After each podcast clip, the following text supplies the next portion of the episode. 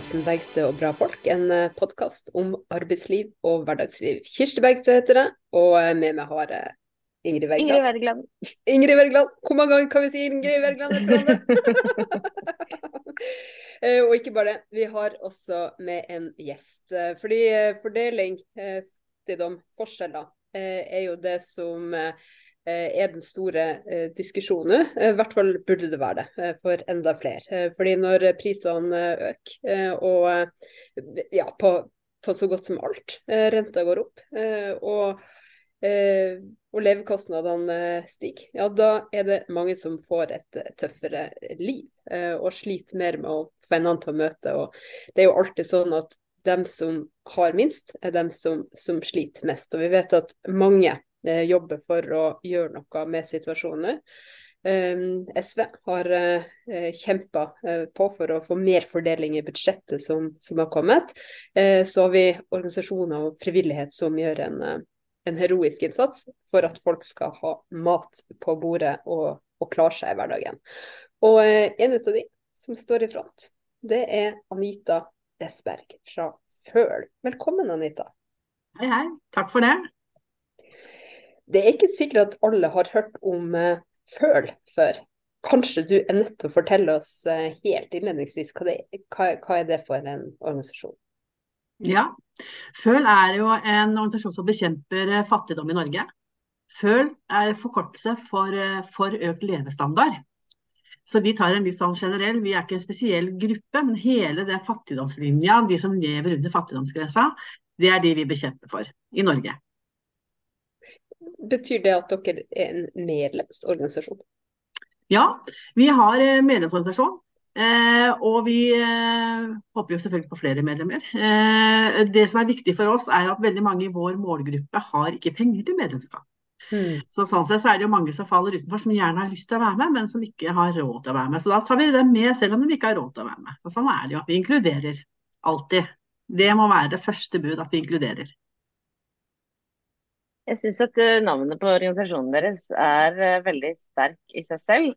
Fordi eh, for økt levestandard, det er på en måte Det høres eh, så elementært ut at man nesten ikke skulle trenge å være en organisasjon for det i et av verdens rikeste land, tenker jeg. Fordi fortellingen om hvordan vi har det i Norge, er jo en fortelling om at ja, og utover 50-60-tallet økte levestandarden i Norge, og alle fikk det fint og, fint og flott. Nesten. Altså det, er jo, det, er det er i hvert fall det begrepet jeg knytter til levestandard. Da. Vil du si litt om hvordan dere tenkte da dere, da dere satte navnet på organisasjonen? Ja, eh, Grunnen til at vi kom fram til forhold levestandard, det er jo det at levestandarden i Norge har blitt dårligere for veldig mange. Men for veldig mange så er blitt mye bedre. Altså for å si det sånn, Vi har fått flere rike, men vi har også fått flere fattige. Og eh, Det er jo den fattige gruppa jeg bryr meg mest om. De som er rike, de har jeg aldri bekymra meg så veldig mye om. Men de som lever der, og det var det å få opp levestandarden deres på et nivå som faktisk folk ikke behøver å leve i under fattigdom. Og Da er det først og fremst for å få de over fattigdomsgrensa, sånn EUs fattigdomsgrense. Det er sånn første mål. Eh, og så tenker vi generelt sett at vi må sette våre egne, vi må ha vår egen eh, fattigdomsgrense i Norge. Eh, fordi vi har litt andre ytelser enn f.eks. de har i andre europeiske land. Så, men det å få alle over, fatt, over, over fattigdomsgrensa for å øke levestandarden, så folk kan ha et godt og trygt eh, inntekt og et hjem, det er viktig for oss. Mm. Og da eh, har dere eh, kanskje tenkt litt på hvilke grep som må til eh, for å få til det? Å ja, hvor skal vi starte? du nevnte jo nettopp budsjettet da, eh, Kirsti, og vi må jo si at vi var jo ikke helt fornøyd. Mm. Eh, vi føler at det er eh, veldig mange grupper som er utelatt. Eh, vi føler at de, de ikke var nok til de gruppene som burde hatt mer.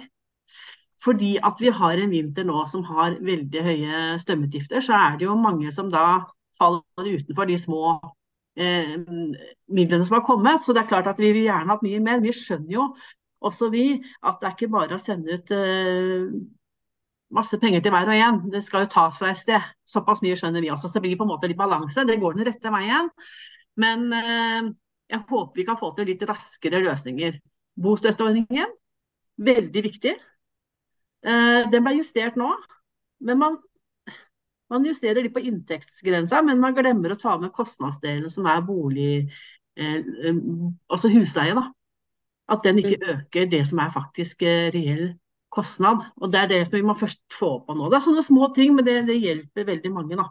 Ja, så du sier at man øker på inntekt, altså at uh, man kan uh, man har heva taket, uh, men ikke sikra nok penger inn. Er det det du tenker på da, Anita? Ja, altså hvis du tenker det som f.eks. en på minstefør da, som får bostøtte i dag, så får kanskje å ha en husleie på 12 000-13 000 kroner hun bor i Oslo. Så får han dekka opp til 8000 de neste fire månedene ta livsoppholdet sitt. Mm. Eh, det mener jeg er feil. Man må jo ta den reelle kostnaden det er å bo i den byen man bor i. Og det er der vi må justere opp. Eh, så det er jo eh, litt annen måte å tenke på. Vi må på en måte gjøre om hele bostøtteordningen sånn som det er i dag. Og det kom jo en ekspertuttalelse her i våres. Og så var det høring da i august som vi sendte inn på. Og kommunalministeren fikk eh, rapporten fra ekspertgruppa. Det har vært helt stille etterpå. For den var rett og slett for bra, tror jeg. Tenker du det? Var, ja, den var faktisk veldig bra. Var, eh, jeg var imponert over hvor mye man tar tak i det ekspertutvalget. Så den tenker jeg dere kan lese litt på. Den kan hjelpe mye til hva er, å få flere. Hva er høydepunktene, da? Hva sier du? Hva er høydepunktene fra dette, dette utvalget? Så Ekspertutvalget fortalte jo der at uh, problemet nå er at folk ikke får, uh, får dekka sine husutgifter, uh, kostnader, sånn som det er i dag. Og at man må legge om bostøtteordninger slik at den følger markedsprisen. Ikke etter hva vi ønsker at den skal koste, men hva den faktisk koster. Så det er å gjøre, legge om den der, det var det første bud på den ekspertutvalget. Den, den, var kjempebra. Den støtter vi. Mm. Mm. Så bostøtte det er et viktig grep som du vil trekke frem? Ja, veldig. Mm. mm. Er det andre ting som du tenker er eh, helt sentralt? Hvis, hvis, du tenker sånn topp tre, eh, hva er det viktigste å gjøre nå? Altså, eh, det beste er å ikke altså, være å ikke behøve å søke ekstra ytelser i det hele tatt. Og så hatt en inntekt som man kunne klare seg på uten å søke ekstra ytelser. Det hadde vært det optimale. Det vil si at da må pensjoner og trygder og ytelser opp eh, ganske høyt og over fattigdomsgrensa. Og så kan vi snakke litt om hva fattigdomsgrensa er. Eh, jeg tror det går over på en sum på 260 000. Nå snakker vi tall, og det er litt kjedelig. Men vi i Føl mener at vi skal regne på en litt annen måte. Så vi mener fattigdomsgrensa er for en enkelt person 330 000. Og grunnen til at vi regner som forskjell, det er det at eh, du har kommet til tallet 260, så har de tatt alle inntektene i Norge og funnet medianinntekten. Da har de også tatt med trygder og pensjoner. Mm. Hvis du fjerner trygder og pensjoner og tar hva som er lønnsinntekter og deler på og få medieinntekten. Og så vil jo 60% av det være 330 000. Så det er forskjellen på den måten å regne på, da. Mm. Så um, vi mener vi må øke så at ingen skal leve under 330 000 i Norge. Med de mm. prisene vi har. Så. Og da er det ingen som trenger å søke bostøtte. Da sparer man hele potten, vet du. Det hadde vært fint. Rett og slett justere opp eh, ytelsene. Du ja. nevnte Anita, at du var ikke helt fornøyd med, med, budsjettet, men at det går i riktig retning. og Det er for så vidt et syn jeg deler. Altså, budsjettet har jo blitt, blitt vedtatt i, i, Stortinget, men det beste budsjettet eh, det ble jo ikke vedtatt. Mm. Så SV stemte jo først for sitt, som ville sørge for mer omfordeling. Eh, og så har vi jo fått, fått flytta på en, en del noe til ytelser og, og en del til, til, å styrke velferden, eh, rett og slett. Men så, så, sa du også at det er litt kjedelig å snakke om, eh, om tall. Eh, la oss snakke om mennesker. Ja. ja. Fordi er det, eh, er det Det er jo Det er jo et evig jag å leve av for lite konstant. Og det er jo det her fattigdomsstresset og det jaget som kanskje mange kjenner at går utover helse og livskvalitet, eh, fordi det er så ekstremt belastende å, og rett og slett ikke, ikke, ha nok.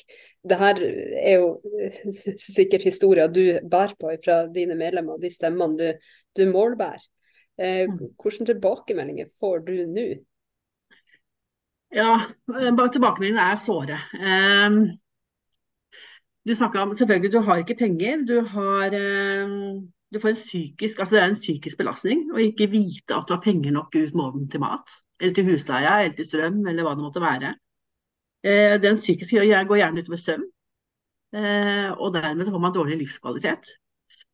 Vi vet jo, nå snakker litt forskningsmessig, at man ofte kan gå over til alkohol og rus for å dømme en del ting. Og ofte kan også vi se kriminalitet. Så det vi får tilbakemeldinger på, er det at de er desperate. De låner penger eh, av venner og bekjente, og ikke det, og så prøver de da å låne på mastercard og forbrukskort og sånt. Nå kommer jula. For at barna skal få julegaven sin. Det er noe vi fraråder på det sterkeste. Eh, for det setter jo situasjonen enda verre i når jula er over. Eh, så det er jo Men det er noe med det, hvis ikke ungen din kan få julegave, altså hva gjør du da? Mm. Altså, det er jo forferdelig. Og eh, jeg tror mange er så fortvila at de egentlig sett ikke vet om de orker å leve lenger noen ganger. Rett og slett. At det er rett og slett som påkjenning. Mm. Og hele tiden leve i benes fattigdom. Mm. Så det, det, må vi tenke litt på. Eh, når vi ikke gir litt ekstra til jul eller til vinteren, eller at folk faktisk har penger til mat på bordet. At vi, den psykiske helse den vil øke sterkt, dessverre. Det er mm. vondt.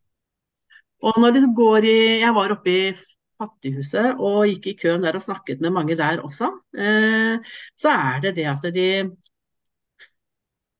de har ikke råd til å kjøpe mat, de er avhengig av den posen. Eh, og da spurte jeg hvorfor søker de ikke Nav. Ja, det har vi prøvd på. Det er så fælt. Altså, det, er så, det, er så, vanskelig å komme inn der. Og mange av dem kan jo ikke norsk engang. De sliter jo veldig mye med det helt enkle ting, bare for å få ringt dit. ikke sant? Så det er, det er, det er så veldig sårt eh, å møte disse menneskene.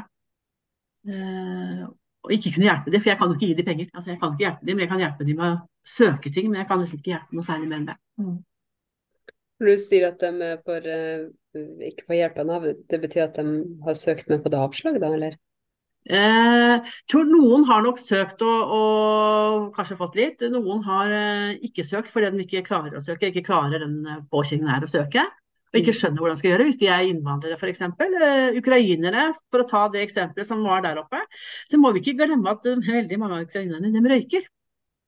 Så den summen de får igjen, det er ikke nok. Og du kan ikke be en menneske slutte å røyke i en situasjon de er i, for det er en kjempestressituasjon. De har kommet fra krig.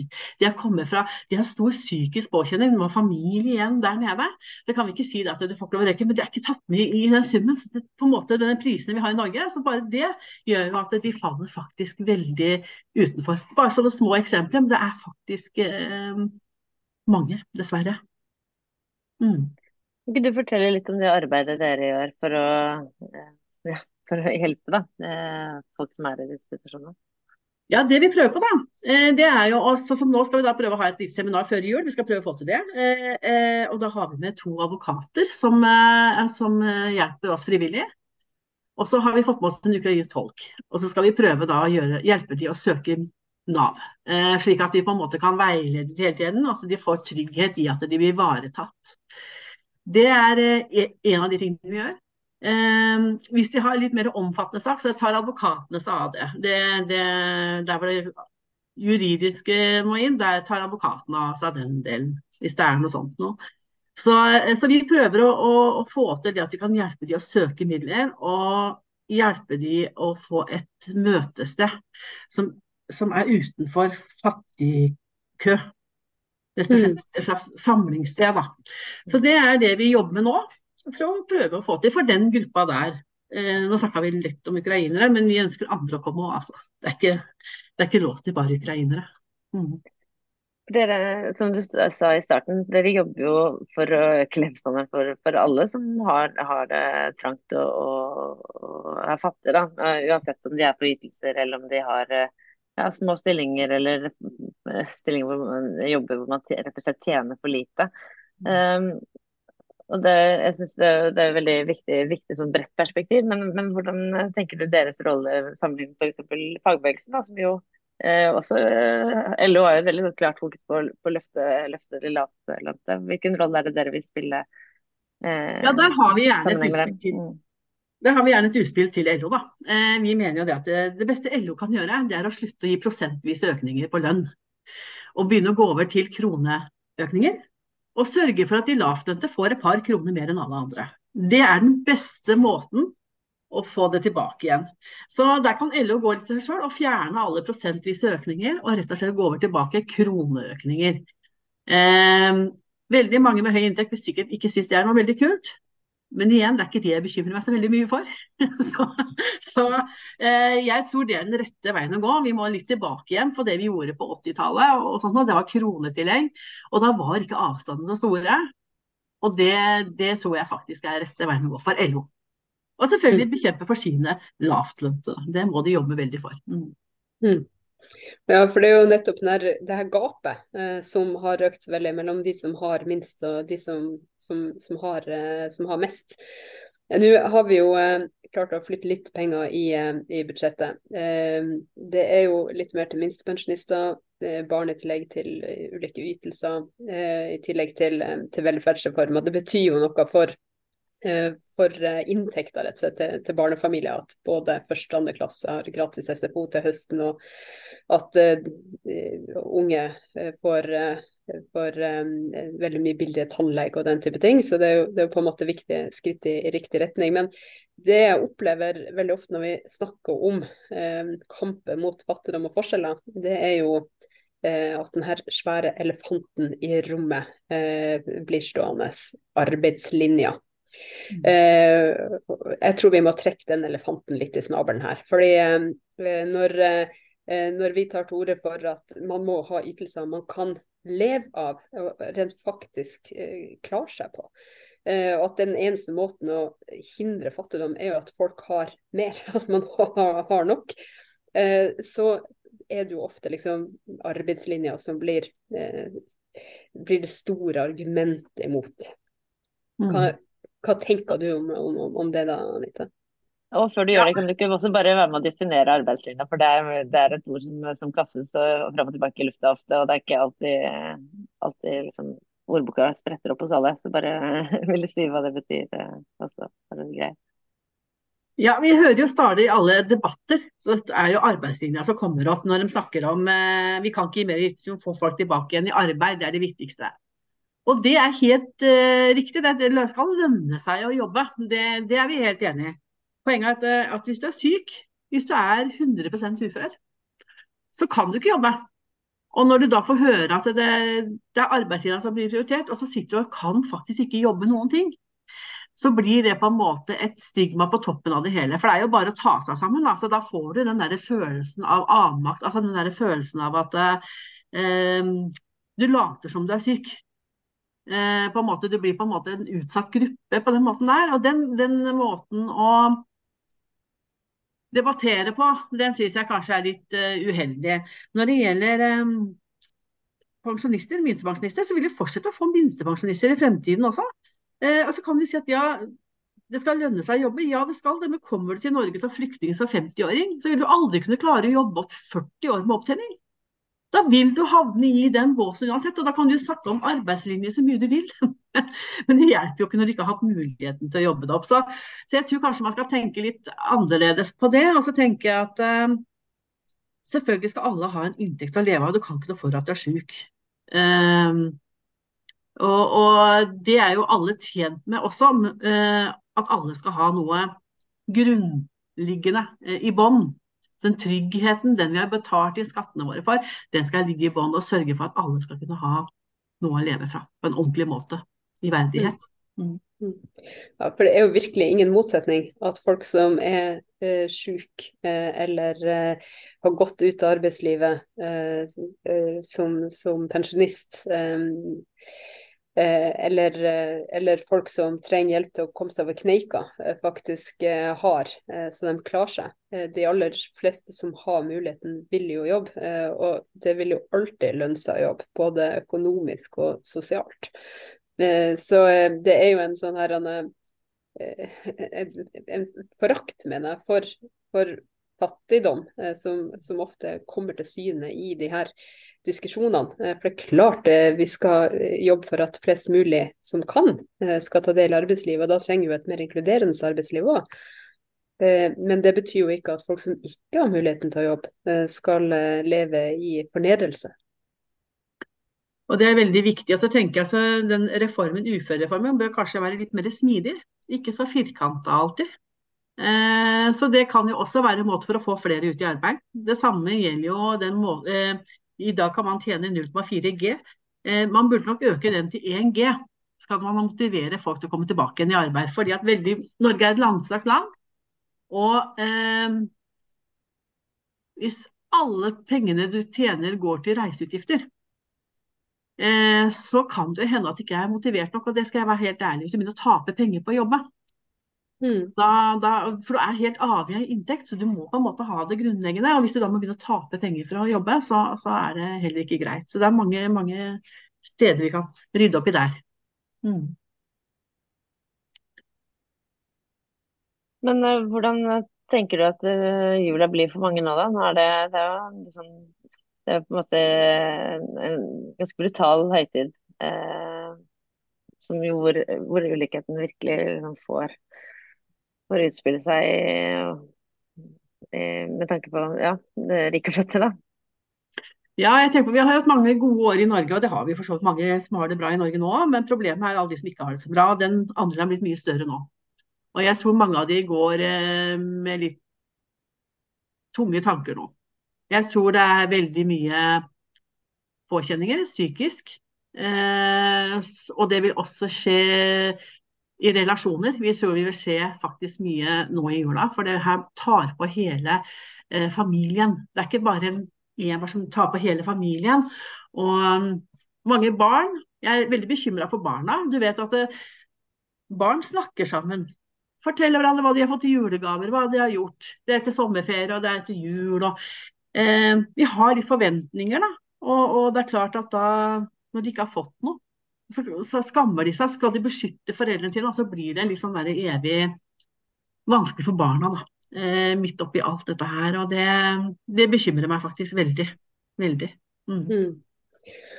Jeg var og besøkte Fattighuset eh, for litt siden. Da var det en barnehage som var innom, som hadde tatt turen fra, fra sitt hjemsted for å levere julegaver til andre barn eh, på Fattighuset. Det syns jeg var veldig fint å få, få se på det. Um, og, og, veldig sterkt uh, å, være der også. Uh, fordi køene har jo økt noe, noe voldsomt. Uh, og de forteller jo at det er jo helt nye grupper også som, som kommer i de køene. Jeg traff jo også ukrainske flyktninger som, som, du, men de forteller jo også at det er flere som de definerte som mer middelklassefamilier som rett og slett bare ikke får, får det til å gå rundt nå. og de tidligste kommer jo så, så tidlig som Eh, klokka fem om morgenen for å skaffe seg billetter for å kunne være sikra å få matposen senere på dagen. Det er ganske mange timer som går til venting og kø for å rett og slett sikre seg den, den matposen som, uh, som, som, de er helt avhengig av. Og jeg tror at veldig mange er rysta over hvor eh, altså omfanget her. Eh, hvor mye det har økt, og hvor mange som, som faktisk sliter. Både lavtlønte og folk på, på ytelser, og, og eh, folk som er, som er nye i landet. Det har økt dramatisk, og det er det som kanskje er så bekymringsfullt. Og så tenker jeg eh, tiltak eh, for å få til dette her, her og nå, så må det jo selvfølgelig Dere stortingsrepresentanter har jo da selvfølgelig en veldig stor jobb der. Den første delen er tenker jeg, hva kan man gjøre som du sier for lønnsansatte. da, Barnefamilier. Vi kan, jeg putta litt på barnetrygden kommer til, til, våren. Det hjelper ikke så veldig mye nå, selvfølgelig. Det er veldig vanskelig. Hva skal vi gjøre nå før jul? Altså, hva kan, hva kan man mm. gjøre nå før jul? Jeg tenker jo at man kanskje burde hatt uh, en engangsutbetaling til alle under en viss inntekt, f.eks. Eh, for lengre tid så håper jeg kanskje man skulle hatt en skattefordel som eh, kanskje man kunne putta på fradragsskatten på en del ting. Eh, F.eks. ta tilbake skatteklasse 2 som har forsørgeransvar, ikke bare for de som har barn, men de som også er forsørgere. Få tilbake uførefradraget på 24 000. Det er, det er da vi er uføre for 2000 kroner mer i måneden. Det er bare sånne små ting med fradragsskatten. Mm. Det vil også hjelpe veldig mange. Mm. Um, når vi snakker om skatteletter, så hjelper ikke det så ofte minstepensjonisten, for de betaler så lite skatt. Så de må heller få økt inntekt. Ikke sant? Mm. Det er noe med det der uh, hvor du skal sette inn midlene. Mm. Mm. Små grep kan jo bety helt enormt mye uh, for uh, dem det gjelder. og litt mer betyr jo noe hvis man har veldig lite i utgangspunktet. Um, vi um, har jo et uh, fast spørsmål uh, i denne podkasten, Anita. Um, og det er jo knytta til, til, arbeid. det er rett og slett Hva var din aller første jobb? Min aller første jobb, ja. Da var jeg 14 år. sommerjobb og jobba på vaskeriet. Og tjente faktisk veldig bra. I dag så hadde det vært 18-årsgrense, for vi sto jo blant svære maskiner. Det var ikke så strengt den gang da. så det var min første jobb, en full sommer på å jobbe på vaskeriet. Hva slags vaskeri var det, da? Det var Follo vaskeri i Drøbak. Drøbak mm. vaskeri het jeg kanskje den gangen. Ja. Mm. Var det fint? Det var, det var, eh, men var det Kom det inn fra liksom Eh, sykehjem, eller hva var det slags liksom ja, Kom ut av sykehjem og sånne ja. ting. Så det var sånne ja, svære naken og sengetøy og sånne ting mm. Det er bra. Eh, og det trengs litt, eh, litt rengjøring i samfunnet òg. Vi har jo eh, et, eh, heldigvis et stortingsflertall som ønsker en stor rengjøring i arbeidslivet. Eh, det får vi komme tilbake til en annen gang. Mens er det noe vi, vi, trenger eh, å få på plass nå, eh, så er det jo rett og slett det organisasjonen din heter. Økt levestandard, Anita. Og eh, en del SV-ere rundt omkring i landet nå tar jo initiativ eh, til eh, noen form for ekstrautbetaling knytta til jul. Jeg er veldig glad der vi klarer å få gjennomslag for det, eh, fordi det trengs. Og alle initiativ trengs nå for at vi klarer å, å skape sterkere fellesskap og tryggere liv for, for folk. Takk for at uh, du var med oss i dag, og takk til deg som hørte på. Lykke til videre med et veldig viktig arbeid, Anita. Takk for at jeg fikk lov å komme.